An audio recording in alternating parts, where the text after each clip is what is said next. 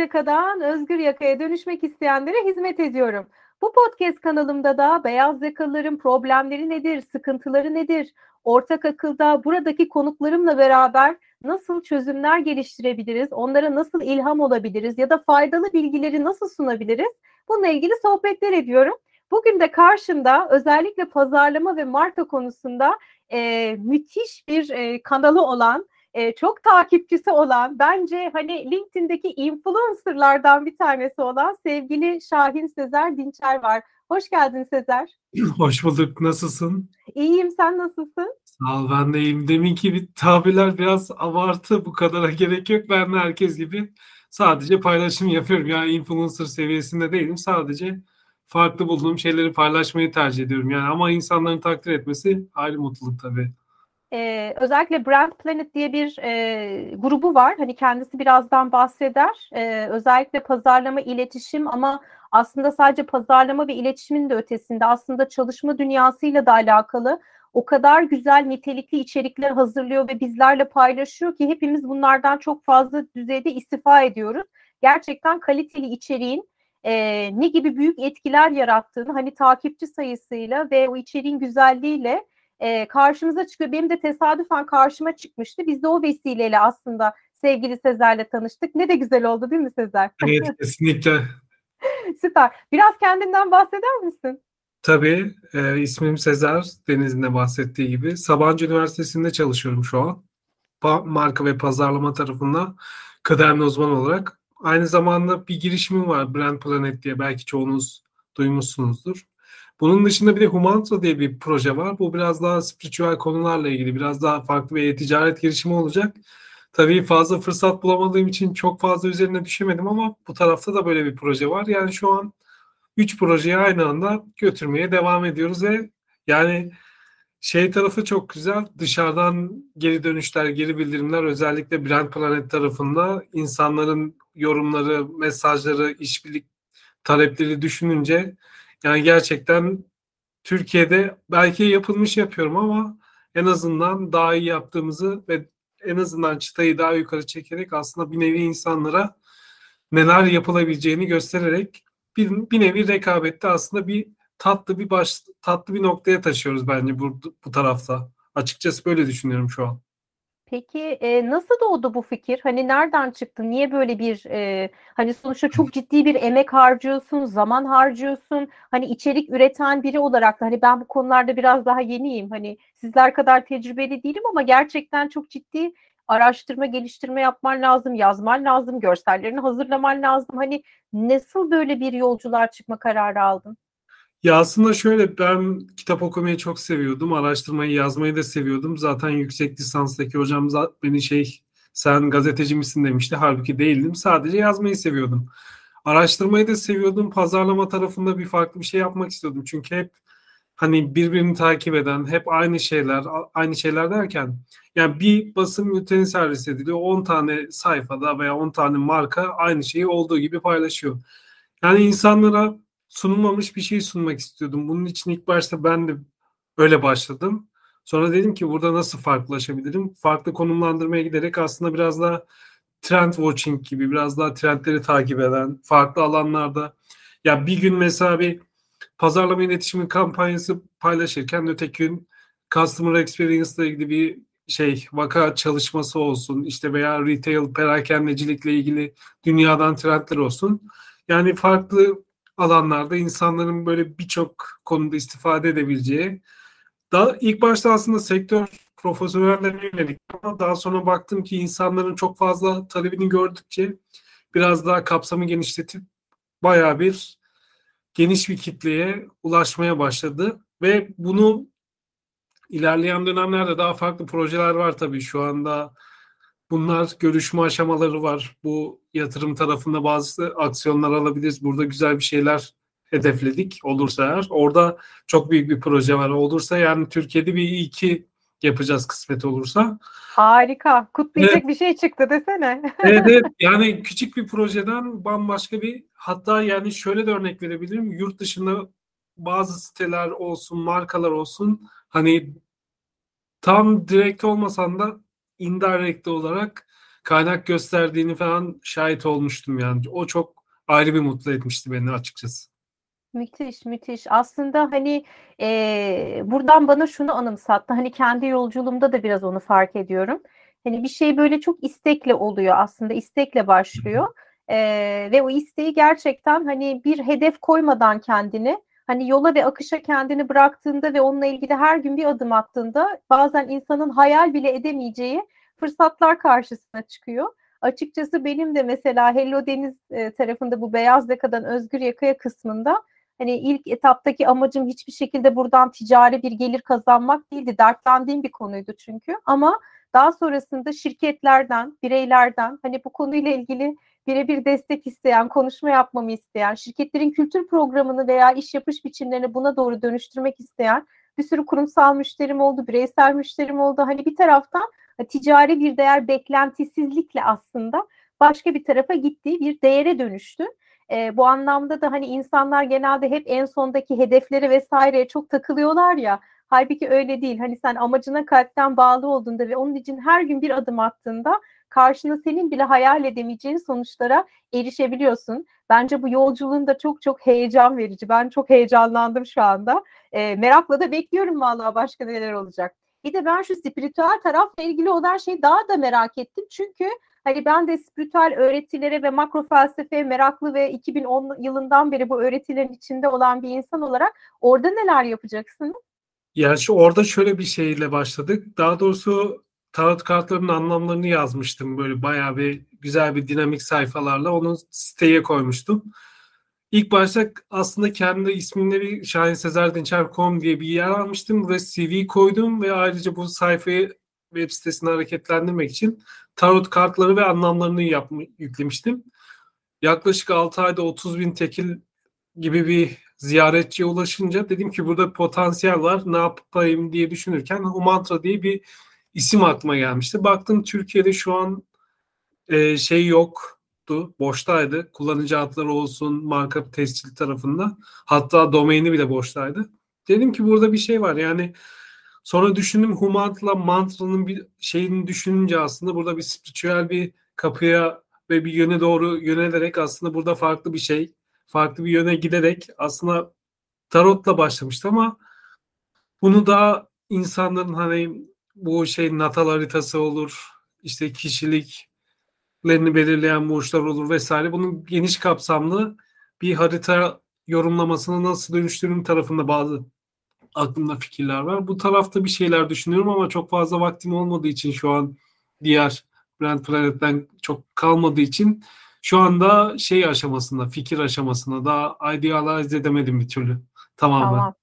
Ee, zamanı gelince mutlaka oluyor. Hani evet. onun bence bir kuluçka dönemi var. Hani o nasıl kelebekte bir kozasında bir bekliyor bir şey oluyor. O ben sonra birdenbire patlıyor. Hani benim şeye de benzetiyorum. Özgür yakalı olma hikayesine de benzetiyorum.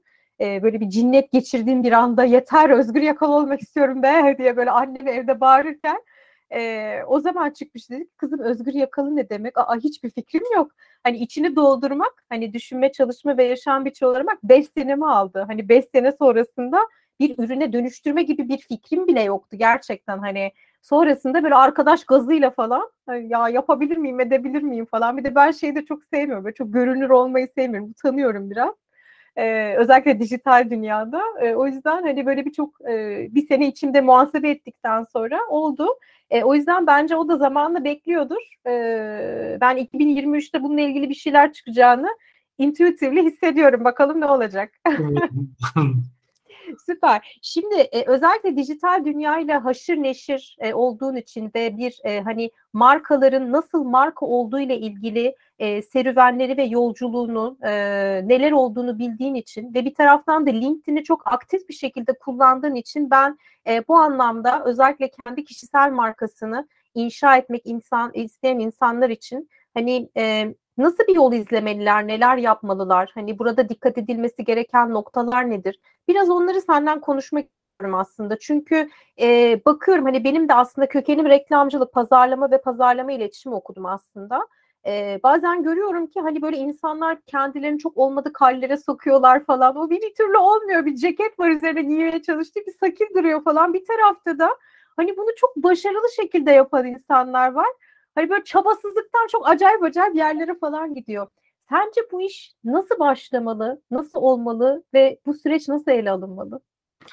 Ya aslında açıkçası orada böyle bir e, kural kitabı açık bence yok. Çünkü hani şöyle bir şey mesela pazarlama iletişimi üzerine bir içerik paylaşıp yazıp paylaşacağım dediğimizde bile bazen aslında o bizim ulaşmak istediğimiz hedef kitle çoğu zaman bunu e, decline edebiliyor. Yani burada aslında hani biraz da zamanla bulunuyor doğru mecra demeyeyim ama doğru kanal. Yani bir konuya kesinlikle bağlı kalınmadan farklı farklı alanlarda denenerek aslında o potansiyel hedef kitle için en doğru şeyi seçmek, konuyu seçmek bence önemli olan.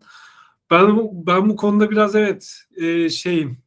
Mesela çok LinkedIn'de özellikle çok takipçili, çok saygı gören insanlar var zaten Sertaç Hoca bunların başına geliyor. Evet. Yani mesela o onun gibi belli bir konuda değil de ben mesela bir gün reklam iletişimi de paylaşıyorum. Bir gün bambaşka bir işte e, felsefi bir şey de paylaşıyorum. Yani çok belli bir konuyu benimsemedim açıkçası. Yani bu, o an gözüme çarpan insanlara dokunabilecek ne varsa onu paylaşıyorum. Ama benim asıl amacım ve odağım oydu yani insanlara fayda sağlayacak bir şey. Bunun illaki bir belli bir konuyla sınırlamasını çok mantıklı bulmuyorum. Çünkü şeyler gibi biraz daha trend daha trendlere yönelik şeyler paylaşmayı uygun buluyorum ki zaten bu çok daha mantıklı. Ama şöyle de bir şey var. Bu kadar skopu geniş tutarken aynı zamanda insanların da ve bulunan mecranın da belli standardı var. Yani oradaki o kurumsal olmasa da bir dil, paylaşımın görselleri, paylaşımdaki içerik vesaire yani çok böyle siyasi, dini veya herhangi böyle değerlere yönelik veya işte böyle çok hikaye var şeyler çok hoş karşılanmadığını da farkında olarak paylaşınca aslında insanlar yavaş yavaş gördükçe takdir etmeye başlıyorlar ki zaten ben ilk bu LinkedIn'i kurarken bu Brand Planet'i ön plana çıkartayım diye kur, şey yapmıştım. Kendi sayfamda paylaşım yapıyordum ama bir baktım marka ile birlikte kendi profilinde büyümeye başladı enteresan bir şekilde. Zaten insanlarla orada etkileşime geçtikçe, onların feedbacklerini duydukça şekillenmeye başlıyor. O yüzden yani şey yapmamakta bence fayda var. Hani belli bir konuyla ben bu konuda ısrar edeceğim, ısrarlı bir şekilde gideceğim, bu konu dışında başka bir şey yapmayacağım demek yerine biraz daha geniş tutup uzmanlıkları ve disiplinler arası farklı konularla zenginleştirince insanların gerçekten dikkatini çekiyor ki şöyle de bir detay var.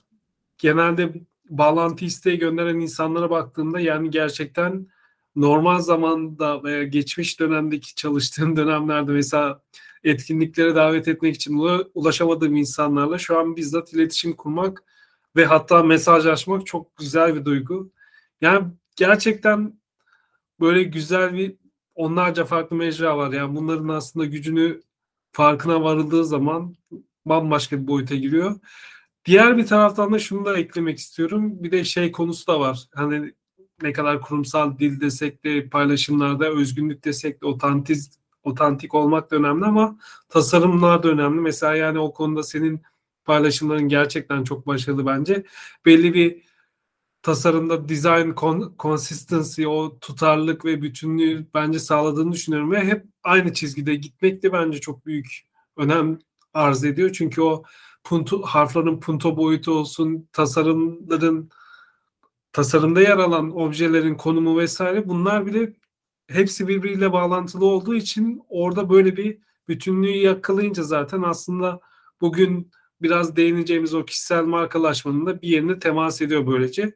Yani aslında konu zaten geleceğiz ama kişisel markalaşma olduğunda yani ben açıkçası senin markanı gözüm kapalı herkese tavsiye edebilirim. Gerçekten çok iyi bir örnek bu konuda. Yani çok tasarım teşekkür olsun. ederim. ederim. Kendi başıma yapıyorum arkadaşlar. Kanmada. Ama tabii şey de hani şunu da söyleyeyim. Bir reklamcılık okudum. iki üzerine bir sene Bilgi Üniversitesi'nde tasarım kültürü ve yönetimi okudum. Hani e, fena da değildir gözüm. Hani e, çok öyle Photoshop vesaire derinlemesine falan bilmem ama hani e, bu konudaki geçmiş mesleğimin ekmeğini yiyorum. Dolayısıyla o anlamda okuduğum e, meslek boşa da gitmedi. Hani iletişim boyutunda bana çok faydası oldu ama hani şimdi Photoshop bilmem e, ne bileyim böyle garip garip animasyonlar bilmem kurgu bilmem ama özellikle günümüzde Hani Wix gibi hani internet sitenizi yapabilirsiniz kendi internet sitemi. İşte sosyal medya hesaplarınızı e, Canva'daki template'lerle hani belli birkaç tane şablon oluşturunca aslında hani o standardı da yakaladığınızda ne kadar hızlı içerik üretebildiğinizi de fark ediyorsunuz. Müthiş hız kazandırıyor. Mesela benim bugün yaptığım içeriği yazısı dahil ne yazacağımı da bilmiyordum bu arada. Hani toplamda 3 dakikamı aldı. Öyle söyleyeyim. Real, Instagram, Reels videosu ve şey var. Çünkü template'ler var. Hazır yapılmışı var. Dolayısıyla ama tabii şey çok önemli. Yani içeriğin niteliği, ne yaptığınız, ne ettiğiniz ve o görsel tasarım e, tarafındaki o bütünlük e, gerçekten o algıyla alakalı bir şey bırakıyor. Hani neden sarı renk, neden yeşil renk? Hani bunları durup dururken beğendiğim için seçmedim. Normalde sarı renk hayatımda kullanmam mesela ama özellikle kullandım gibi. Hani o şeyleri biraz öğrenirseniz ki bence Brand Planet'ın içerisinde de hani bunlara dokunan çok faydalı ve kıymetli içerikler var. Aralarda e, fark ediyorum. Hani bu anlamda siz de içerik üretmek isterseniz sevgili dinleyiciler oradaki e, müthiş bilgilerden ne olur istifade edin. Teşekkür ederim. Çok sağ olun. Rica Güzel ederim. Rica ederim. Ee, şimdi bence bir söylediğin şey de çok kıymetliydi. Hani bazen insanlar bir konuya çok takılıp kalıyor. Hani illa şu konuda yapmam lazım, bu konuda yapmam lazım. Mesela daha büyük şemsiyede bir şey sahiplenik. O da nedir? Mesela trend watching dedin. Müthiş bir tabir bence. Hani o şemsiyenin altında e, nasıl yoğurt yediğin ve konuları çeşitlendirebilmek önemli ve neyin tutup neyin tutmadığını deneyip yanılmak da önemli. Ben de Özgür Yakalı ile alakalı ilk çıktığımdaki içeriklerle şimdiki bazı eklediğim içerikler hani o takip vesaire içerisinde sürekli bir evrim içerisinde aslında. Hani yine baktığımızda bir patern var. Yani söylediğim mesajlar aynı ama tarz olarak, içerik olarak ne oluyor, ne bitiyor? Hani biraz böyle deneme yanılmayla giden de bir e, süreç. Peki e, özellikle kişi kendi e, sonuçta çıkardığın içerikte bir şekilde kendinden de olması gerekiyor. Hani ben buna gerçekten inanıyorum. E, çünkü oradan arakla, buradan bilmem ne yap. Hani o zaten hissediliyor ve güzel bir şey değil e, baktığında. Peki bir insanlar e, gerçekten kendisiyle ilgili bir algı yaratmaya çalıştığında dijital dünyada nelere e, dikkat etmeli bu anlamda? Hani hem kendinden kopmadan ama aynı zamanda kendi gibi gözükerek. Bunun sırrı ne olabilir? Çok zor bir soru sordum ama. Evet biraz aslında cevabı da kişiden kişiye değişir çünkü ya mesela kendimden örnek verirsem ben şey yapıyordum. Yaklaşık 30-40 tane farklı kaynaktan konuyu iyice araştırıp bakıp daha sonra mesela trendlere bakıyorum. Daha sonra mesela bir araştırmalarla bakıyorum istatistiklere ve onların hepsinden bir kolaj yapıp aklımda kalanları kendim bunca zamanki iş deneyimim, bu okul vesaire okuduklarımdaki o şeylerle sentezleyip yazıyorum. Yani bu zaten aslında burada insan özgünleşiyor. Yani senin de bahsettiğin gibi farklı yerlerden oradan buradan alıp paylaşmak yerine kendi bildiği şeylerle onları karşılaştırıp kendi mantık süzgecinden zaten şey yaptığı zaman ortaya bir sav çıkıyor, ortaya bir önerme çıkıyor ve insanlar zaten bazen bunu eleştiriyor, bazen destekliyor. Oradan kurulan etkileşimle zaten bir nevi hem gitmesi gereken yolu buluyor hem de bir nevi aslında bulunduğu mecrada tanınmaya başlıyor. Yani bu her türlü aslında bir şeydir, faydadır.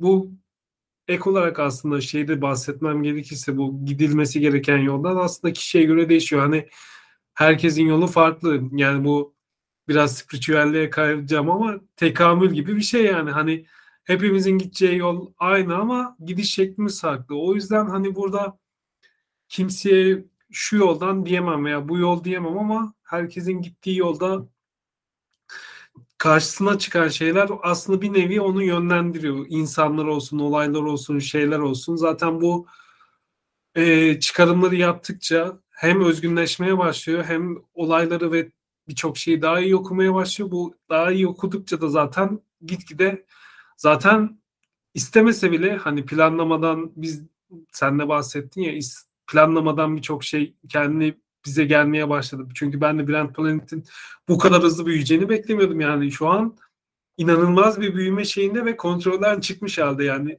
ve hiç planlamıyordum. Yani keza senin de markan öyle bir o kadar hızlı ve müthiş büyüyor ki bunu düşününce şunu fark ettim aslında. Biz bir yerden bir giriş yaptığımız zaman, bir şey yaptığımız zaman zaten çevresel faktörler tabii bunun içinde insan var, olaylar var.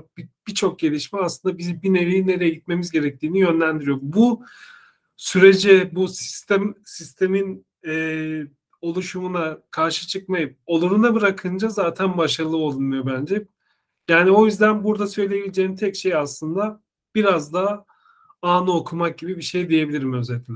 Müthiş söyledin. Aslında hani bu söylediğinde e, akademik olarak bir design thinking mantığı var. E, spiritüel boyutta kervan yolda düzülür var ve tekamül var. E, üçüncü tarafta daha mindful bir hal var. Anı okuyabilmek ve anda biraz yaşayabilmek.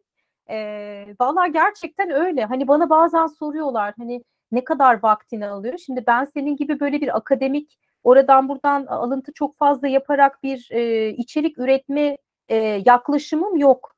Ben vallahi kanalcı teyze gibi o gün aklıma ne gelirse onunla ilgili böyle diye dökülüyor ve gidiyor. Ha tabii ki bunun arkasında 20 senelik bir iş hayatının birikimi, e, zamanında gözlemlediğim şeyler vesaire birikintinin tortusuyla bunu yapabiliyorum. Ama bazıları da hani gerçekten e, mesela sevgili e, Sertaç Doğanay'la da sohbet yaptık e, podcast. O da çok kıymetli, çok nitelikli içerikler üretiyor. İşte onu WhatsApp gruplarına da üyeyim. Yani o kadar özene bezene, o kadar her şeyi araştıra, geliştire, o kadar böyle nokta atışı şeyler paylaşıyor ki hani gerçekten insan bir zaten bir hürmet haline e, geliyor. Bence o çok önemli. Hani Brand Planet'te de o var. Hani ben gerçekten paylaştığın şeylere çok büyük bir saygıyla ve hürmetle bakıyorum. Bugün mesela o e, logolarla ilgili bir paylaşım önüme düştü. Hani Spotify'ın, Nike'ın vesairenin o geçmiş zamanlarda olsaydı logoları ne olurdu falan diye. Yani müthiş. Gerçekten böyle zihnimin kapıları açıldı yani orada bir sürü noktada. E, ilham da vermek hani bence bu anlamda çok önemli. Hani e, ve bu işin sırrı dediğin gibi e, kontrol freak olmamak, güvenmek ve biraz sürece kendini bırakmak ve teslim etmek. Ama en önemlisi hani benim eski müşterim Doğan Holding'in e, bulduğumuz mottosu gibi değer bilir değer katar e, demiştik kültür programında. Gerçekten e, değer bilmek ve değer katacak şeyler yapmak, hizmet aşkıyla bunu yapmak. Hani e, Gary Vaynerchuk'in dediği gibi care marketing biraz yapmak e, bence bu işin en önemli sırlarında. Hani özellikle de daha ticari bir kaygı içerisinde duruyorsanız vermeden almak Allah'a mahsus e, diyerekten gerçekten bir şeyleri vermeniz gerekiyor ki karşılığında da e, size bunu aklınıza hayalinize almayacak şekilde geri dönüşlerini elde edesiniz. Peki e, onun dışında başka e, nelere dikkat etmeli? Hani burada bence çok kadim öğretilere de biraz e, değinerek e, aslında bu e, sürece baktık. Başka nelere e, dikkat edebilir kişi özellikle sosyal medyada e, veya kişisel markasını inşa ederken? Hani senin de etrafında rastlaştığın, e, işte örnek aldığın ya da ne bileyim hani hiç olmaması gereken şeylerle mutlaka karşılaşıyorsundur. Hiç böyle örnekler var mı bizimle paylaşabileceğin? Ya şöyle ki çok fazla ikili münakaşa değil de böyle çok fazla ikili tartışmamaya girilmemesi. Çünkü bazen hani şöyle de bir şey var. Biz hani biz derken hepimiz buna sen de dahilsin ben de dahilim birçok farklı mecrada çok değerli insanlar da dahil. İçerik üretirken bazı insanlar aslında şöyle bir e, tam doğru tabiri kullanabilir miyim emin değilim ama orada şöyle bir örnek vereyim. Ben yaptım Hani sen yaptın ben yapamadım o yüzden sen de yapamama yapamaman gerekiyor bu durumda diyerekten böyle bir motivasyonla aşağı çekmek için daha böyle saldırgan, daha manipülatif yorumlar atarak aslında oradaki o başarımı gölgelemeye çalışıyor. İşte bu tarz negatif insanlarla aslında çok fazla münakaşaya girmemek lazım. Çünkü bazen bunlarla girilen iletişimde bu insanları ikna etmek için girilen iletişimde bazen hem isim olarak yani bu marka olur veya bir bağlı olduğundan bir markaya da dolaylı olarak zarar verir. O tarafta ciddi bir hasar alabilirsiniz ki burada da bir reaktif PR gerekir. O da reaktif PR'da zaten oldukça uzun süreli ve yani şey gibi bir bir vücutta bir yer yaralandı mı kabuk bağlasa da ufak da olsa bir yara izi bırakır. Bu da aynı şekilde. Hani belki zaman içinde unutulsa da bir şeyler ama daima bir derinde insanların zihninde bir olumsuzluk bırakabileceği için hani bu tarafta biraz da politik olmakta fayda var. Çok fazla münakaşa tamam ama ikili böyle şeylere girmek çok mantıklı bulmuyorum. Yani veya böyle bir konuyla alakalı olmayan veya böyle daha farklı manipülatif şeylere cevap vermektense olumlu olumsuz her türlü eleştiriye cevap vermek yeterli olduğunu ve bunun dışında çok fazla şeylerle zaman kaybedilmemesi gerektiğini düşünüyorum ki şöyle de bir şey var. Benim başıma zaten çok geliyor. Yani senin de muhtemelen... Onu soracağım. Evet. Ben gerçekten şey ben e, direkt altta yorumlarda gelmiyor ama çok garip Hı-hı. mesajlar aldığım süreçler de oluyor. Çok güzel de oluyor ama hani sen e, iş hayatında özgürlük diye bir şey yoktur falan filan. Nereden çıkartıyorsun böyle moda şeyleri falan filan gibi böyle garip garip mesajlar yani. evet evet o tarz şeyler bana da geliyor yani e, çok ilginç mesajlar da alıyordum yani bana işte Sezer abi bana iş bulsana işte bu ha, onlar çok var. Saçma. ha, bu paylaştığım... Beni işe al. evet evet bu paylaştıklarım çok saçma. Diyorum ki sana saçma olduğunu düşündüren şey nedir diye soruyorum. Bilmiyorum saçma diyor. İşte biri diyor seni engelliyorum. E, yani engelleyebilirsin bu en doğal hakkın. Ben bir şey de, demiyorum yani. Veya işte e, çok siyasi veya böyle farklı insanların değerleri üzerinden beni hani manipüle etmeye çalışan mesajlar geliyor ama şey yapmıyorum hiç. Genelde mesajlara cevap vermiyorum. Çünkü onların istediği şey aslında bir nevi kendi alanlarına çekip oradan bir konuyu saptırmak. Yani benim şahsi görüşüm yani bu gerek kişisel markalaşma olsun gerek veya bir marka yaratmak olsun yine hem markada hem kendi ismiyle hem marka ismiyle çok fazla iletişimi belli bir seviyede tutmak. Çünkü herkese cevap vermeye kalkınca bu sefer işin ucu kaçıyor ve çok farklı yerlere gidebiliyor. Şu ana kadar bir iletişim kazası yaşamadım çok şükür. Çok şükür. Bundan sonra da pek yaşayacağımızı zannetmiyorum ama yani böyle sınırından döndüğüm anlar oldu ama onda da genelde daha böyle yumuşak dille hep ortalığı sakin tutup genelde fırsata çevirmeyi başardım kriz anlarında. O benim için büyük bir şanstı açıkçası. Öyle evet. anlarda. Evet süper. Ee, bir de benim e, hani içerik üretenlerle alakalı özellikle LinkedIn'de fark ettiğim bir şey var. Hani bir dönem çok kıymetli içerikler paylaşırken bir taraftan hani böyle çok toksik e, konuları paylaştığımızda böyle etkileşim çok artıyor ya. Hani mesela bugün ben de Doğan Cüceloğlu'nun bir e, şeyiniz paylaştım. Aslında çok e, güzel bir şeyden bahsediyor. Hani üzerimize giydiğimiz o ceketlerden bahsediyor. Ünvanlar, maaşlar, e, işte e, mevkiler vesaire. Hani bunlar bir cekettir diyor. Hani ceketi çıkartır gidersin geride kalan insanlığın kalır gibi.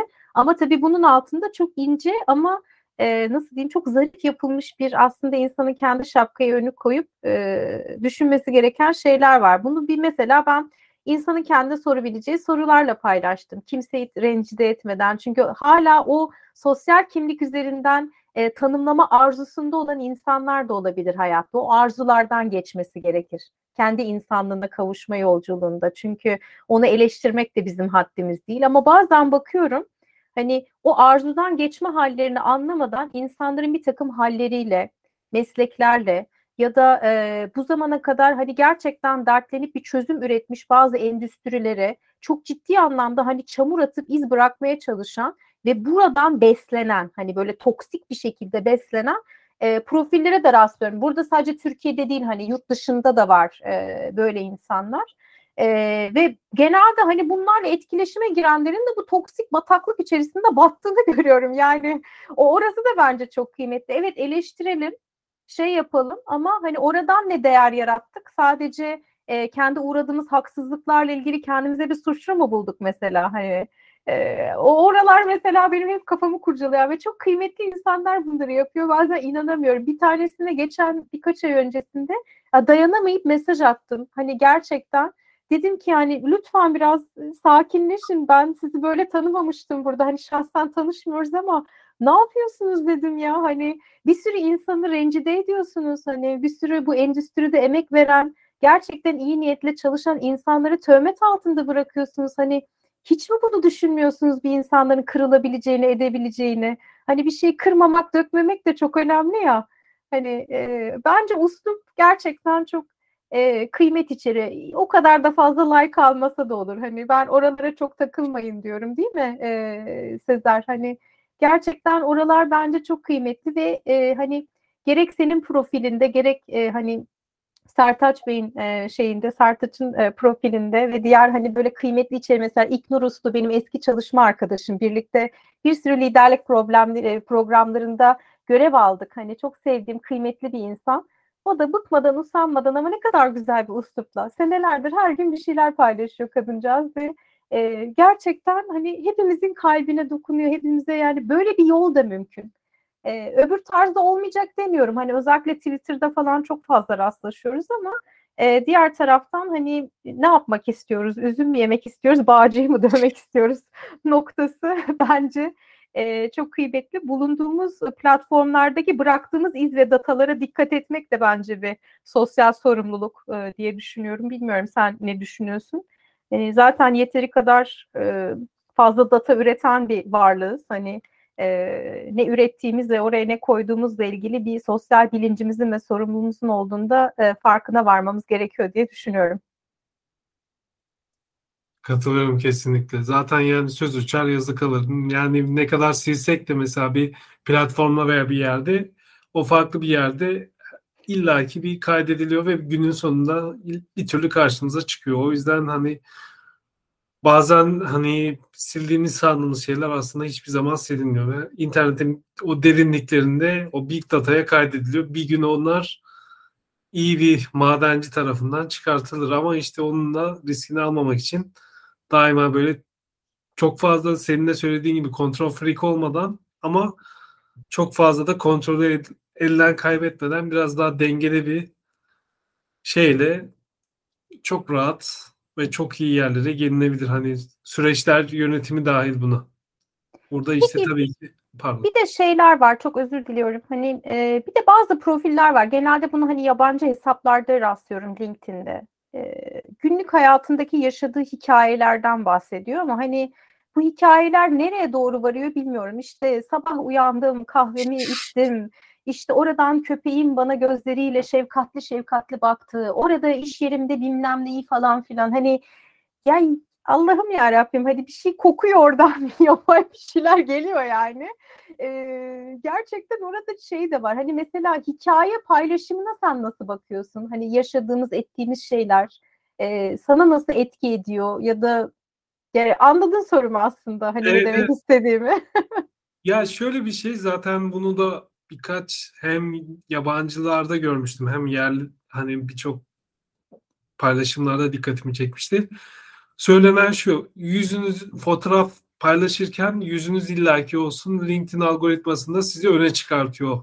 Böyle bir inanç var. Bilmiyorum bizzat deneyimlemedim ama ve e, seçtiğiniz kelimeler tabii Türkiye'de daha şu an hani algoritma tarafı Türkiye'de nasıl işliyor bilmiyorum ama yurt dışında işte bu daha motive edici, motivasyon ve kişisel başarıların daha ön plana çıkartıldığına dair birkaç paylaşıma denk gelmiştim. Buradan yola çıkarak aslında insanlar çok çok şey yapıyor ve şöyle de bir şey var. LinkedIn'in o global e, marka hesabı üzerinden bazen bu kullanıcılarla etkileşime geçtiği için onlar üzerinden aslında hani çok bir etkileşim yaratmak, insanlara takipçi kazanmak bir nevi aslında orada influence eden kişi olma çabasına girişiyorlar ama ben aslında LinkedIn'de hani özel hayatta bu çok milestone olmayan, çok böyle mihenk taşı kadar çok değer taşımayan bu mesela bir işte olur, bir işte öğrendiği bir şey olur veya bir eğer mesela hedef kitlesi genç insanlarsa bu genç insanlara ve genç yetişkinlere iş hayatı olur, özel, özel bu aşk hayatı vesaire değil ama daha böyle hani kişisel gelişimlerine fayda olacak şekilde olan şeyleri çok abartılmadığı sürece paylaşımında çok bir sakınca görmüyorum ama yani çok fazla özeline de girmeden işte evde köpeğinle gezdik, oradan çıktık, kahve içtik falan değil de işte yani daha böyle sınırlı tutarak aslında orada vermek istediği mesajı daha şey tutarak sınır sınırlı tutmadan o insanlara fayda sağlayacak şekilde anlatılması güzel ama LinkedIn'de artık Facebook'a dönmeye başladı bu konuda. Yani paylaşımların çoğunu bakıyorum ve bazen insanlarla bağlantıyı bağlantıdan daha doğrusu network'ümden çıkarmak zorunda kaldığım bile oluyor. Çünkü çok alakasız şeylerle yani kırmamak kırmak istemiyorum ama gerçekten bazen çok alakasız şeyler paylaşıyorlar ve orada daha değerli insan insanların değer olarak daha değerli olmasından öte paylaştığı değerli şeyleri gözden kaçırmayı göze alamıyorum açıkçası. Çünkü çok fazla paylaşım var. Senin de dediğin gibi çok fazla data üretiyoruz. Çok fazla şey var. Ama birçoğu da kirli data. Bunları işte arındırmak için aslında böyle paylaşımlar bazen can kurtarıcı olabiliyor ki arındırabilelim listemizden. Yani biraz ambiyane bir tabir oldu ama Yo, çok gibi. doğru. Ee, açıkçası hani ben e, LinkedIn'de e, şöyle bu hani takip etme şeyi çıktıktan sonra benim işim çok kolaylaştı. Çünkü hani benim ondan öncesinde gerçekten iş yaptığım, ettiğim, hani iş hayatında tanıdığım bir şekilde hizmet verdim. Hani yurt dışından, Türkiye'den insanlar bir şekilde bağlantım vardı ama hani öyle içerik içerik üretmiyordum yani öyle bir şey yoktu. Sadece hani bir bağlantımız vardı.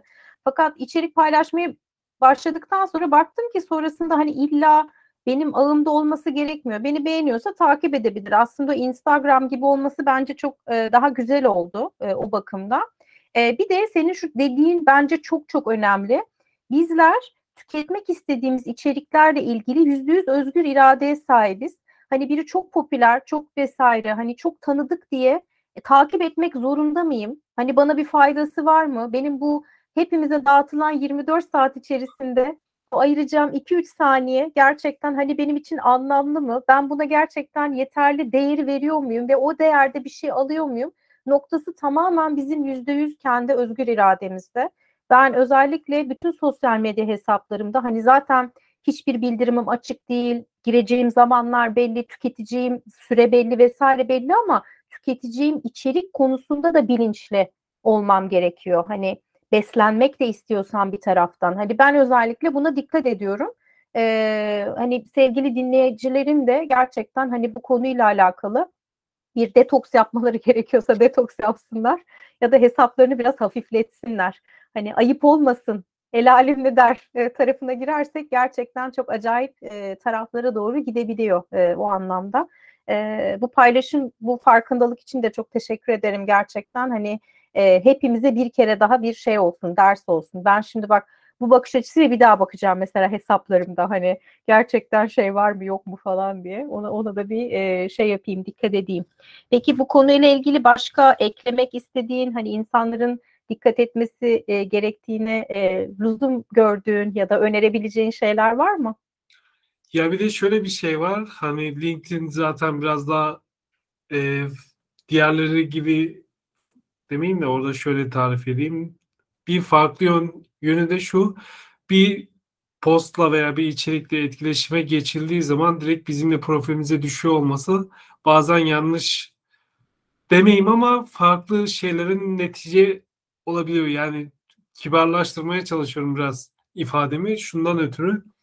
Yani mesela böyle bazen beğenilen bir veya yorum yapılan şeylerde çok alakasız şeylerin çıkıyor olması bu tabii üst düzey bir insan da olabilir, herhangi bir öğrenci de olabilir. Çok mantıksız veya mantık dışı veya şeyin dışında platforma uygun olmayan şeylere yapılan yorumlar ve beğenilerin önümüze düşüyor olması bile aslında o insan hakkında bazen kötü olmasa da biraz daha o olumlu şeyi törpülemeye ve olumsuza doğru çeken bir sonuca doğru götürüyor. O yüzden hani benim açıkçası görüşüm etkileşime geçtiğimiz şeylerin biraz daha hani kalite seviyesinin altına düşmemesi. Burada belli bir kaliteyi tutturmak gerekiyor. Nasıl paylaşımlarda otantik ve daha böyle özgünlükse aslında etkileşime geçtiğimiz insanların da aslında bir nevi otantikliğini önemsemek gerekiyor ki aksi takdirde çünkü senin de bahsettiğin gibi bizi takip eden veya bizi gören insanlar orada o paylaşımla etkileşime girdiğini görünce alakasız bir şeyle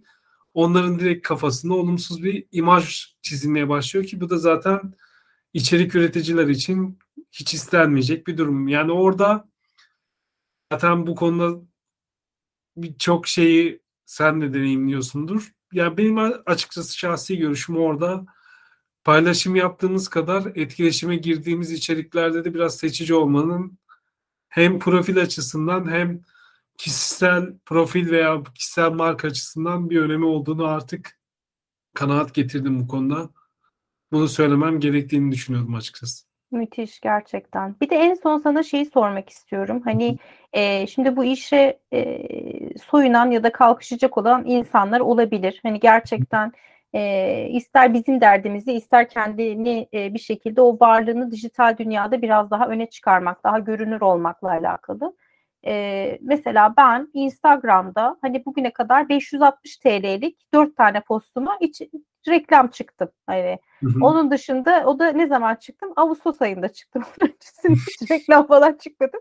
Düzenli olarak hani çok azıcık rakam ama gerçekten ilgilenen insan takip ediyor ve orada hani ayıptır söylemesi 100 bin liranın üzerinde iş geldi. Şaka gibi yani gerçekten. Ama bazen insanlarda şöyle bir yanılgı oluyor. Ben işte buna reklam basayım, çok fazla takipçim olsun, işte oradan gelsin, buradan gelsin, etkileşim yaratmak için böyle maymun gibi gideyim, dans edeyim, işte parmaklarımla şu yazıları göstereyim falan filan. Gerçekten bunlar işe yarıyor mu ya? Vallahi bak çok e, merak ediyorum. Hani ben çok bilmediğim için de soruyorum. Yani hayatta yapmam zaten de gerçekten bilmediğim için soruyorum. E, bu çok reklam basmak, Hani ne bileyim videolarda böyle garip garip hallere girmek, o birilerinin oluşturduğu kalıpların içerisine sokmak uzun vadede kişisel markaya nasıl etkiliyor? Ya açıkçası biraz hani çok reklam basmaktan öte o e, kenarlarda yazıları parmakla göstermek vesaire bu biraz da aslında he, e, hedef kitlesine bağlı. Yani bunun gibi bir videoyu ben çeksem böyle bir şey paylaşsam insanlar bu ne demek falan der. Çünkü benim bizim daha doğrusu hani hem kişisel olarak bu hepimiz dahiliz marka olarak hitap ederken böyle bir şey yaptığım zaman insanlar bir şaşır yani. Çünkü markanın ağırlığına göre bir zıt bir şey oluyor ama biraz daha böyle eğlence odaklı biraz daha böyle mizah katan veya işte biraz daha böyle e, cheerful markaları için de aslında biraz kaldırılabilir bir şey. Çünkü o insanlar bunu istiyor. Onlarda da çok ciddi olduğu zaman markanın az, ana amacıyla ters düştüğü için orada öyle bir tezatlık oluşuyor. Ya aslında şu reklam fazla reklam basmak şey gibi aslında. Yani üç tane ekmeği yiyip karnım doydu tamam artık ben iki gün boyunca hiç acıkmayacağım demek gibi bir şey. Yani bunun hiçbir faydasını ben açıkçası düşünmüyorum. Orada optimize etmek tarafında ya zaten bunun için uzman birçok insan birçok ajans var ama yani senin bahsettiğin gibi doğru hedef kitleye doğru mesajla doğru şeyle bir o altın vuruş yaptığı an zaten hiç beklenmedik sonuçlar elde edilebiliyor ki ben de mesela son günlerde reklam çok vermeye başladım. Bunun da ana sebebi aslında çok reklam vermek değil. Sadece paylaştığım şeylerde özgünlük odaklı şeyler paylaşıyorum ve bunu yaparken de ben peki bunu daha fazla insana ulaştırsam bunun getirisi ne olurdan yola çıkarak optimize etmeye özen gösteriyorum. Tamam böyle segmente segmentasyon tarafında çok detaylı bunun için çalışmak gerekiyor ama ya bu kadar fazla vaktim olmadığı için biraz daha temel hedeflemeye giderek e, erişim rakamlarını yukarı çekmeye çalıştım ve bu gerçekten çok küçük bütçelerle yani ben de bin liralık yani çok şu an için bin liralık, iki bin liralık küçük bütçelerle çalışıyorum ama yani ulaştığım kitle, erişim, bu insanların interaksiyonları ve takipçi olarak dönme rakamlarını düşününce gerçekten bayağı faydalı olduğunu fark ettim.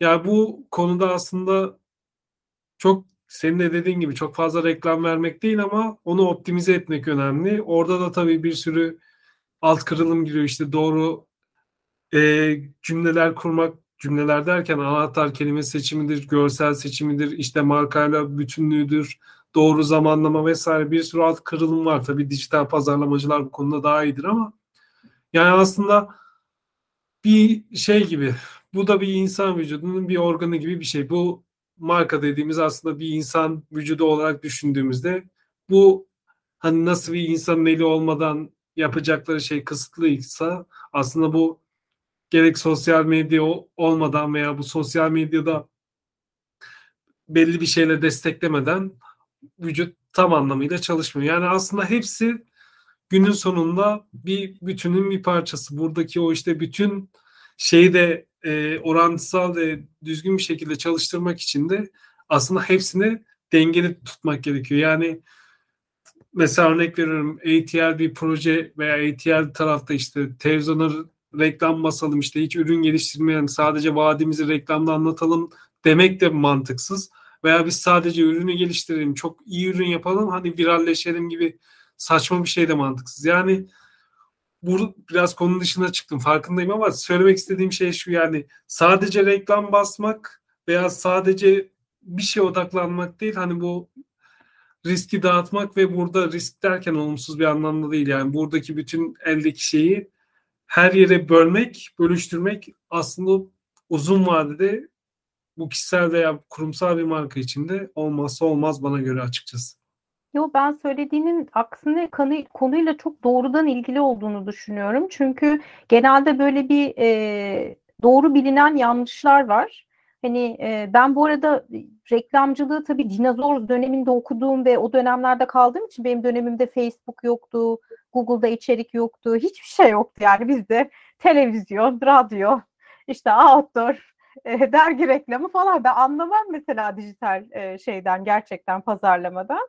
E, ama hani e, dediğin çok haklı. Hani deneye yanıla e, bunu bir sprint yarışı, 100 metre yarışı değil de bir maraton yarışı gibi görmek e, ve hani yarışsa eğer bu ve orada da gerçekten deneye yanıla, deneye yanıla ne tutuyor ne tutmuyor. Mesela benim o 560 TL'yi 4 tane böldüğüm içerik hiçbir ticari mesaj içermiyordu. Sadece insanlara faydalı olacak e, bir takım tool ve araçlar veya analizler yapmıştım aslında. Hani böyle sayfa sayfa çevrilen şeyler ve orada sadece 3 sayfasını görüyor. Halbuki 10 sayfalık bir şey hazırlamışım ben orada döküman. Oradan yani e, çok enteresan geri dönüşler aldım ya. Yani hem e, iş açısından hem de şey açısından da hani biri dedi ki ya arkadaşım göndermiş böyle bir podcast'iniz varmış haberim yoktu ne kadar güzel. Hani bak şimdi eşim de paylaşıyor dinliyor tanışabilir miyiz vesaire. Tabii ki hay hay hani konuşalım, görüşelim, tanışalım. Çok acayip bir şey oluyor. Hani siz bir yere e, büyük bir araziniz var diyelim. Tohumlar ekiyorsunuz. O tohumların bazıları çiçek açacak, bazıları açmayacak ama siz onların her birine eşit düzeyde önem vermeniz, aslında her anlamda riski de dağıtmanız ama bu işe devam etmeniz lazım. Yani bir günde nasıl çiçek açmıyorsa, bir günde bebek doğar doğmaz nasıl ayaklanıp koşmuyorsa bu işte gerçekten böyle hani e, o e, doğanın evrenin aslında kanunundan da aykırı bir şey değilmiş gibi geldi bana bilmiyorum yanılıyorsam söyle. E, tabii ki aralarda böyle çok e, dediğin gibi teaser bir kampanya çok böyle acayip gerilla pazarlama ile bir şeyleri patlatabilirsin ama hani patlattıktan sonra ya da eşeği bir tane sağlam kazığa bağladıktan sonra hani sonrasında ne yapacağını bilmiyorsan orası çok büyük e, sıkıntılı bir konu olabilir e, diğer insanlar için. Bir de zaten yani sürdürülebilir olması gerekiyor. Çünkü bir kampanya yapıp ardını getirmiyorsa belli bir bunu zamana yayıp belli bir stratejide ilerlemiyorsa zaten o saman alevi gibi yanıp sönüyor ki onun çünkü insanlar bu kampanya olsun yani bu büyük ölçekli olmak zorunda değil. ATL veya BTL değil. Bu küçük bir dijital reklam da dahi olsa o insanların o beklentisinin yükseldiği o hype'lanma dediğimiz o şey olduğu zaman o karşılıksız kaldığı zaman zaten aslında o bütün oluşan güzellikler bir anda yok olabiliyor. O yüzden çok fazla beklenti oluşturmadan yani senin yaptığın aslında bence orada çok harika bir şey. Sadece insanlara duymak istediğiniz duyup hani fonksiyonel faydasını anlatırken bir yerden bir yerden de aslında insanların o duygusal faydayı da eşit miktarda verdiğin için o insanları oradan çok güzel yakalamışsın ki Zaten bu marka danışmanlarının ve bu büyük e, ajansların markalara yapmak istediği en büyük şeylerden biri. Tabii burada gerek yönetimsel vesaire zaten işin içinden geldiğin için iyi bilirsin. Burada birçok şey devreye girdiği için bunu yapamıyorlar ama bugünkü konu ya da bir nevi bağlantısı olduğu için rahat söyleyebilirim. Kişisel markalaşmanın en güzel yanı bu. Burada herhangi bir e, statükoya takılmadan, herhangi bir hiyerarşiye takılmadan aslında burada çok güzel bir kendi karar alma mekanizmasıyla bahsettiğim gibi çok küçük bir projeyle çok büyük, çok geniş kitlelere ulaşmak da mümkün oluyor. Aksi takdirde bunun için onlarca onay süreci ve belki de o an paylaştığım trend topikken o dönem mesela daha sonra o trend vazgeçildiği an, o trend topiklikten düştüğü an onun da etkisi otomatikman düşmeye başladı. Yani o yüzden orada yani senin yaptığın şey bence gerçekten büyük bir başarı hikayesi bana göre. Çünkü bu kadar küçük bütçeyle bu kadar geniş işler almak, bu kadar geniş kitleye ulaşmak herkes... Şirketleri saymıyorum. Oranın bütçeler daha büyük. Ben gerçekten bak vallahi billahi insanlar şeye çok takılıyorlar. Hani e, çok kendilerine garip grup rakamsal hedefler koyuyorlar. Bir kere hani zaten böyle bir şeyde rakamsal hedef koyabilmen kadar saçma bir şey olamaz. Sen bir kere şirket değilsin. Hani orada başka dinamikler yürüyor. Yani şirketlere hizmet veren tarafta da olduğum için ama şirkette de mesela yanlış. Şirkette de mesela çok fazla hedeflere takılıyorlar. İnsanlara hedef gösterdiğin andan itibaren ne olur? Strese girer ya, strese girer. Ya ben bu kadar strateji çalıştığı yaptım bu kadar şirkete. Yani kan gövdeyi götürüyor ya. O geçen sene işte şu kadar yapmıştık, overachieve ettik. Şimdi bir de onun üzerine yüzde on da mı koydum falan filan. Nasıl yapacağız bunu falan filan. Ya kardeşim bu kadar toksik konular konuşmayalım.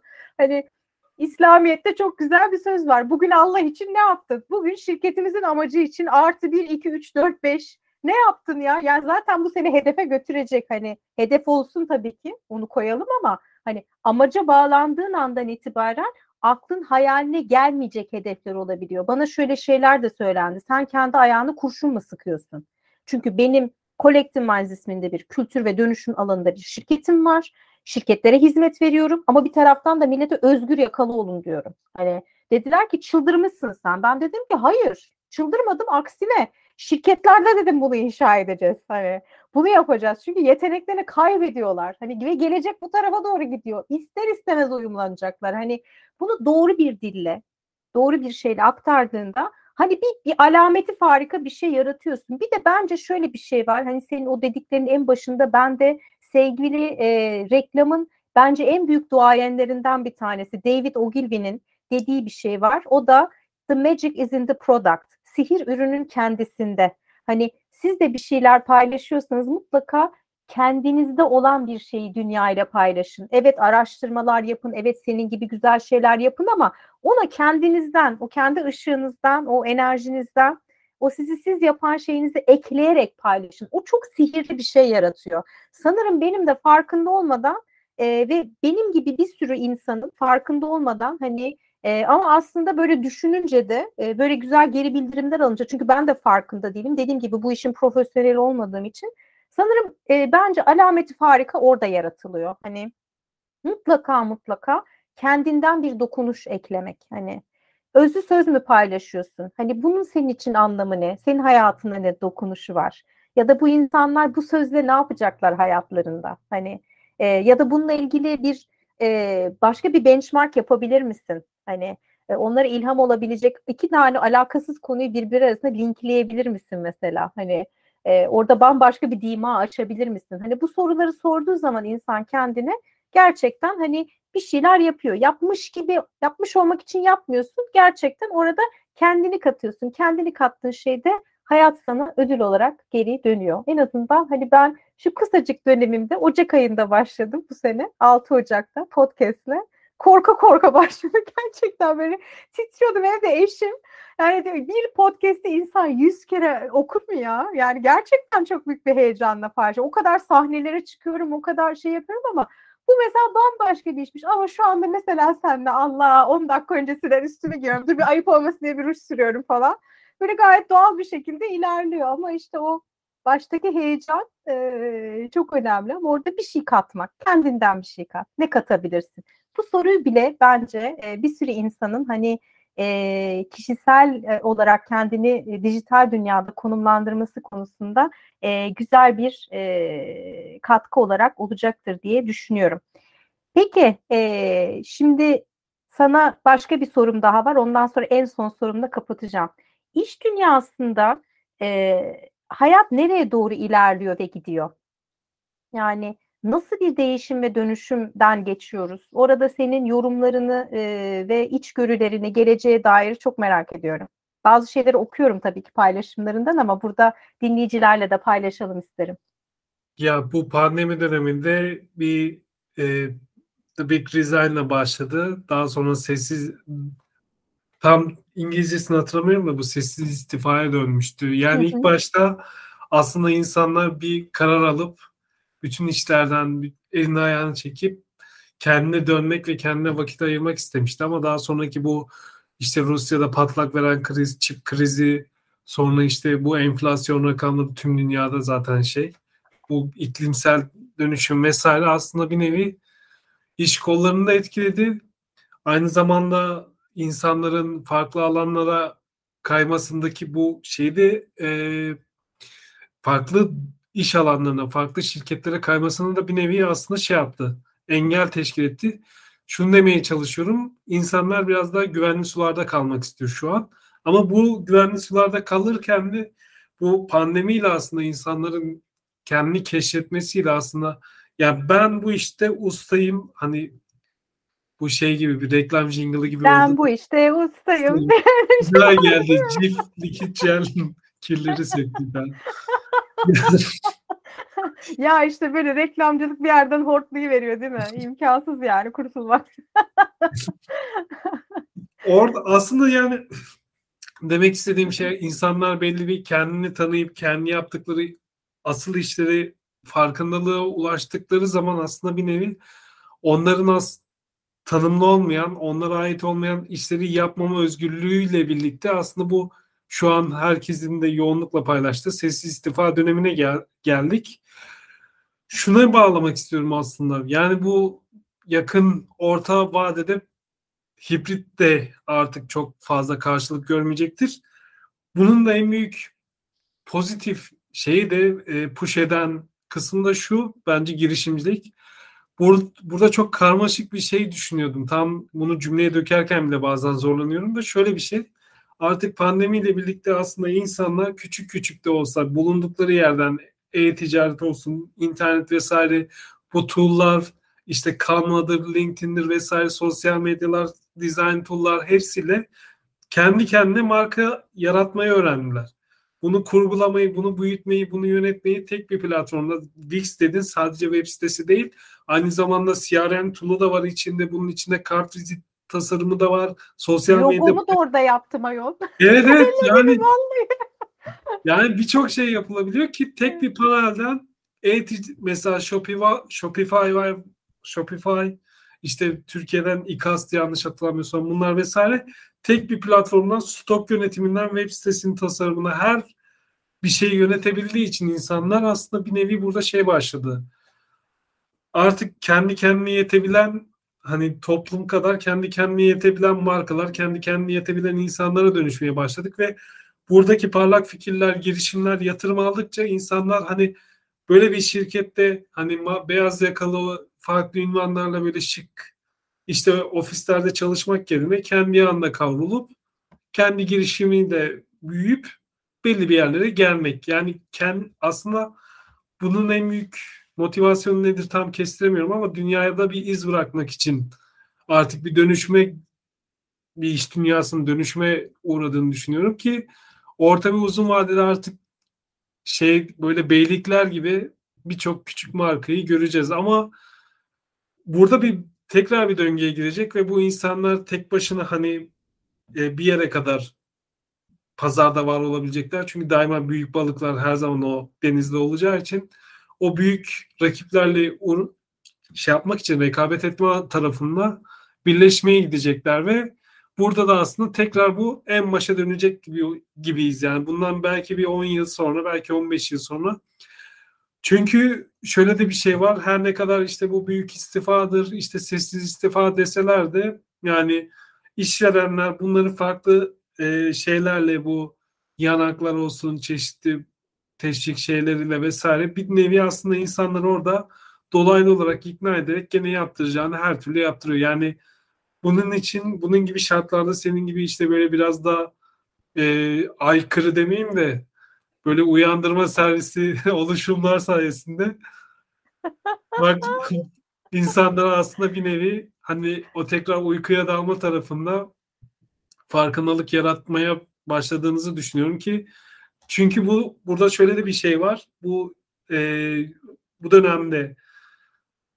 motivasyon veya bunun gibi içerikler o insanlara etki etmiyor. Yani senin gibi daha agresif, daha gerçekçi ve daha böyle doğrucu şey içeriklerle aslında burada bir farklı bir yöne gidiş söz konusu ki senin gibi düşünen insanların çoğalması da aslında bir nevi şirketler açısından bir anlamda dezavantaj. Aslında dezavantaj derken de olumsuz bir şey değil. Şöyle bir de avantajı da var. Onlar için bir gelişim alanı da oluyor bu aynı zamanda. Çünkü insanlar şu an daha geçen bir araştırma okumuştum. Tam kaynağını şu an McKinsey olabilir tam hatırlamıyorum. J- y jenerasyonu bir kurumsal bir şirkette Z jenerasyonu startuplarda çalışmaya daha çok meyilliymiş. Bunun en büyük sebebi özgürlükler. Aynen. Z jenerasyonunun biraz daha konuya döneyim bu sırada. Z jenerasyonunda bu iş dünyasına girmesiyle birlikte aslında orada bir yetenek kazanımı olsun işte bu headhunter'ların vesaire işi daha da zorlanacak. Çünkü startupların burada ne kadar düşük bütçeli e, kaynakları da olsa, düşük bütçeli de olsalar burada yetenek kazanımında sahip oldukları vizyonla, esnek çalışmayla ve diğer sunduğu yanaklarla burada bir nevi öne geçecekler. Yani bu büyük kurumsal şirketlerin ofislere dönüş bas, baskınıyla, bastırmasıyla bu süreçte bu sessiz istifayı da durduramayacakları aksine The Big Resign'ı daha dip dalga bir şeklinde daha büyüterek yaklaşık bir 5-10 yıl içinde daha da ileri taşıyabileceği olasılığını bile öngörebiliriz aslında. Burada öyle bir şey söyleyebilirim. Bunun dışında eklemek istediğim şey de vardı. Bugün onu düşünüyordum gelmeden bugün söyleyeyim diye.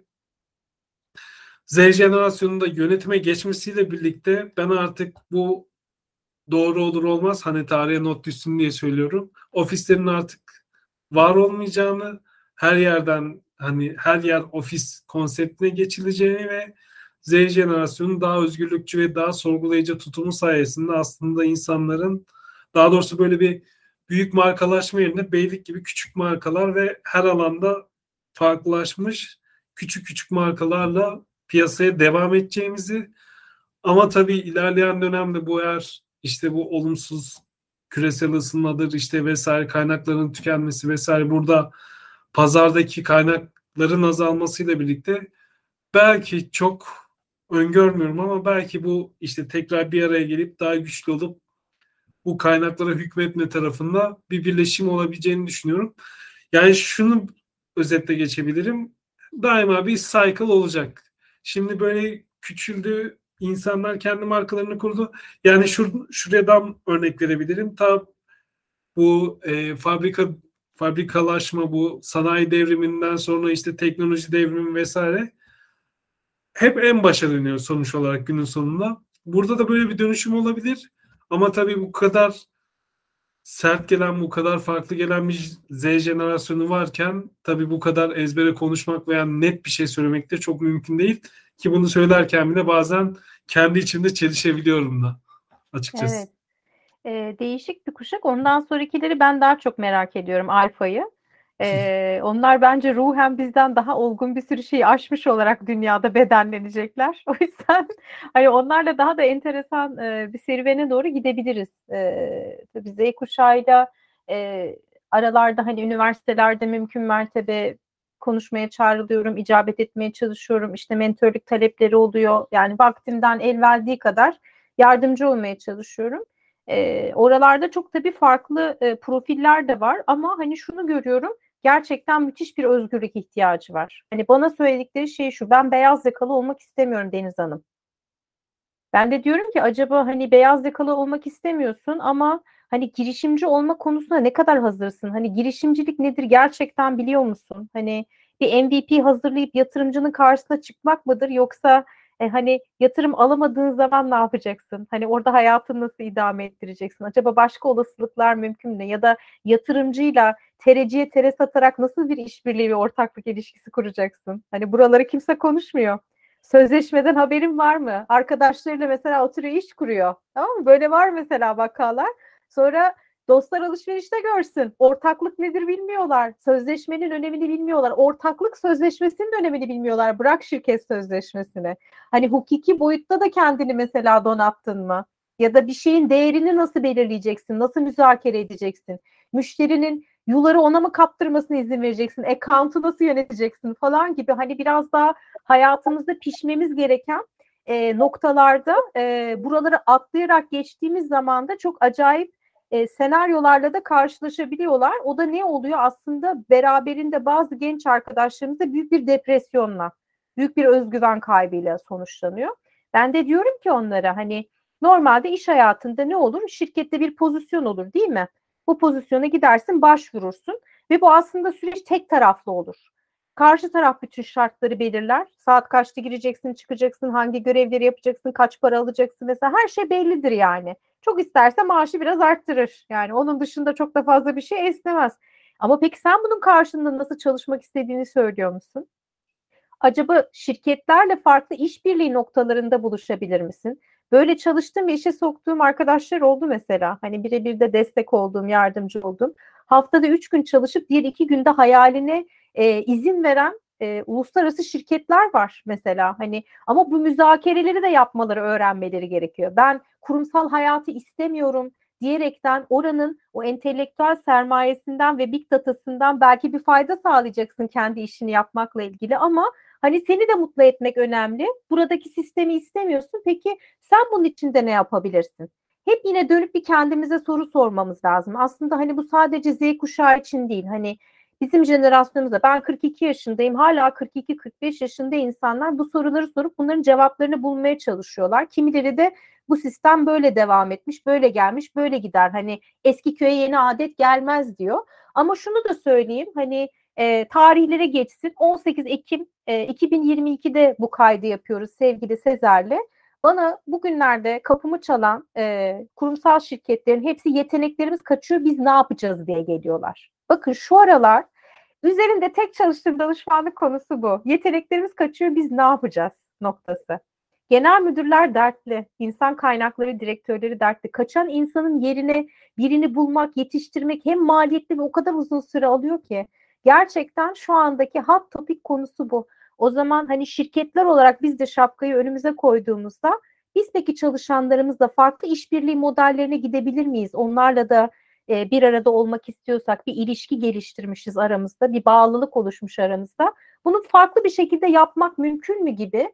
Hani biraz o korku ve kontrol e, odağından çıkıp gerçekten hani bir sevgi ve geliştirme ve işbirliği tarafına geçmemiz bence e, orta noktada herkesi buluşturur diye düşünüyorum. Hani e, özgür yakalı olurken hani tabii kendimden çıktı falan diyorum ama benim de geleceği öngördüğüm taraftan da bir şekilde bu alanla ilgili bir mesaj vermeye gittim. Çünkü müthiş bir bireyselleşme, müthiş bir özgürlük ihtiyacı var ama bunu yakıp yıkarak, onu suçlayarak, onu tükaka diyerek e, ondan sonra tamamen anarşik davranmak değil ama bulunduğumuz ortamda neyi farklı nasıl yapabiliriz de düşündürtmek. Hem birey tarafından hem de kurum tarafında. Hani benim de açıkçası dünyanın e, gittiği seyirde benim çapımı aşan bir konu ama çapımın yettiği kadar bu alanda hizmet edeceğim ve bu alanda hizmet etmeye çok kararlıyım. Hani gerçekten çünkü ben artık mutsuz, sağlığı bozulmuş ve e, hakikaten işten kopmuş, anlamından kopmuş, depresyon e, ve hani anksiyete krizleri geçiren insanların iş hayatında kendini e, mahvetmesine daha fazla gönlüm razı gelmiyor. Ve bunlardan bir tanesi de bendim zaten hani. Kendime de razım gelmiyor o yüzden. Ne yapabilirsem çapımın yettiği kadar. İnşallah o çap daha da genişler e, ama olabildiği kadar hizmet etmeye devam edeceğim. E, sevgili Sezer şimdi bütün konuklarıma soruyorum sana da soracağım. Ondan sonra sohbetimizi sonlandıracağız. Ee, çok güzel geçti benim için. Ee, senin için özgür yakalı kimdir? Nasıl düşünür, çalışır ve yaşar? Özgür yakalı bana göre sınırları olmayan ama sınırlarını da bilen, bu sınırları da toplumun ona e, aksettirdiği veya bastırdığı normlar değil, kendi dünya görüşü etrafında şekillenen, başkasının özgürlüklerini sınırlamadan kendi içinde özgür olabilen insandır. Bu iş yaşamında da böyledir, özel hayatında da böyledir, her şeyde böyledir. Ve sadece inandığı doğrulara giden ama bu inandığı doğrularda çok dogmatik olmayan farklı e, counter idealarla bu zıt kutuplu düşüncelerle de çürütülürse zayıflıklarını orada kapatarak daha iyi yerlere çekerek bir nevi orada kendini geliştirerek aslında bir nevi hani özgürlük sınırlarını, özgürlük duvarlarını daha da güçlendiren insana derler bana göre ve bunu bu duvar dediğim şeyler de aslında iletişime kapalılık değil aslında kendini koruma içgüdüsü olarak söyleyebilirim. Bunları zaten yaptıkça insan daha da özgürleştiğini ve özgürleştikçe de aslında bir nevi kendi kendine yetebilen ve yet, kendi yet, kendine yetebilen zaten insan çoğu zaman farkındalıklı insandır aynı zamanda bana göre. Ve bu mantaliteye ulaştıkça da özgürleşiyor. Özgürleştikçe de aslında sahip olduğu bedenin ona yetmediğini fark etmeye başladığını düşünüyorum açıkçası. Biraz daha çok hem spiritüel hem böyle diğer konularla karmaşık bir cevap oldu ama ya buna bendeki net cevap tam yok. Tam kelimelerle ifade edemiyorum aklımdan geçenleri. Çok karmaşık biraz. Karmaşık değil aslında. Hani benim bununla ilgili bir eğitimim var. Eğitimde aslında hiç bilmiyorsun tabii bu eğitimin içerisinde nasıl modellerim var, neler geliştirdim. Tam da ondan bahsettim. Bak paylaşırım seninle daha sonra ne olduğunu seve seve. Ee, çok önemli. Ee, benim anneannem derdi ki evladım çapını bil derdi. Hani e, çapını bilmek kendi aslında öz farkındalığın. Hani nereye kadar gidelim. Onu zaman içerisinde yavaş yavaş esnetebilirsin. Ve onun içerisinde bir özgürlük alanın vardır. Hani or- oranın efendisi sensen ve kendi sınırlarını korumayı bilirsen e, o anlamda o kadar özgürsündür. Ama bu çapı esnetmek de yine kişinin kendi özgür iradesinde olan bir şeydir. Ama bu böyle bugünden yarına hani şu anda 5 santimdim, ertesi gün 525 santim oldum gibi şeklinde olmaz. Hani bu bir yolculuk. O yüzden o sınırlar konusuna da dikkat ettiğin için ve onun altını çizdiğin için de çok teşekkür ederim değerli katkın için. Zaten benzer şeyleri söylüyoruz. Ben bunları sadece biraz daha modele, metodolojiye koyarak insanlara bir çerçeve sunmaya çalışacak, bir çerçevenin içerisinde tanımlamalarına destek olmaya çalışıyorum. Hepsi o.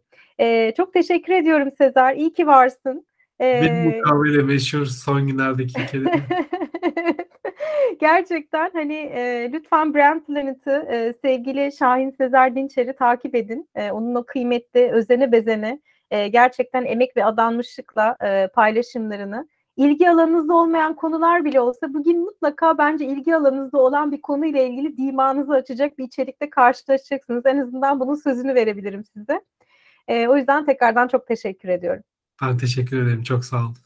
Evet sevgili dinleyenler, önümüzdeki hafta bir başka sohbette görüşmek üzere. Hello Deniz'den kucak dolusu sevgiler.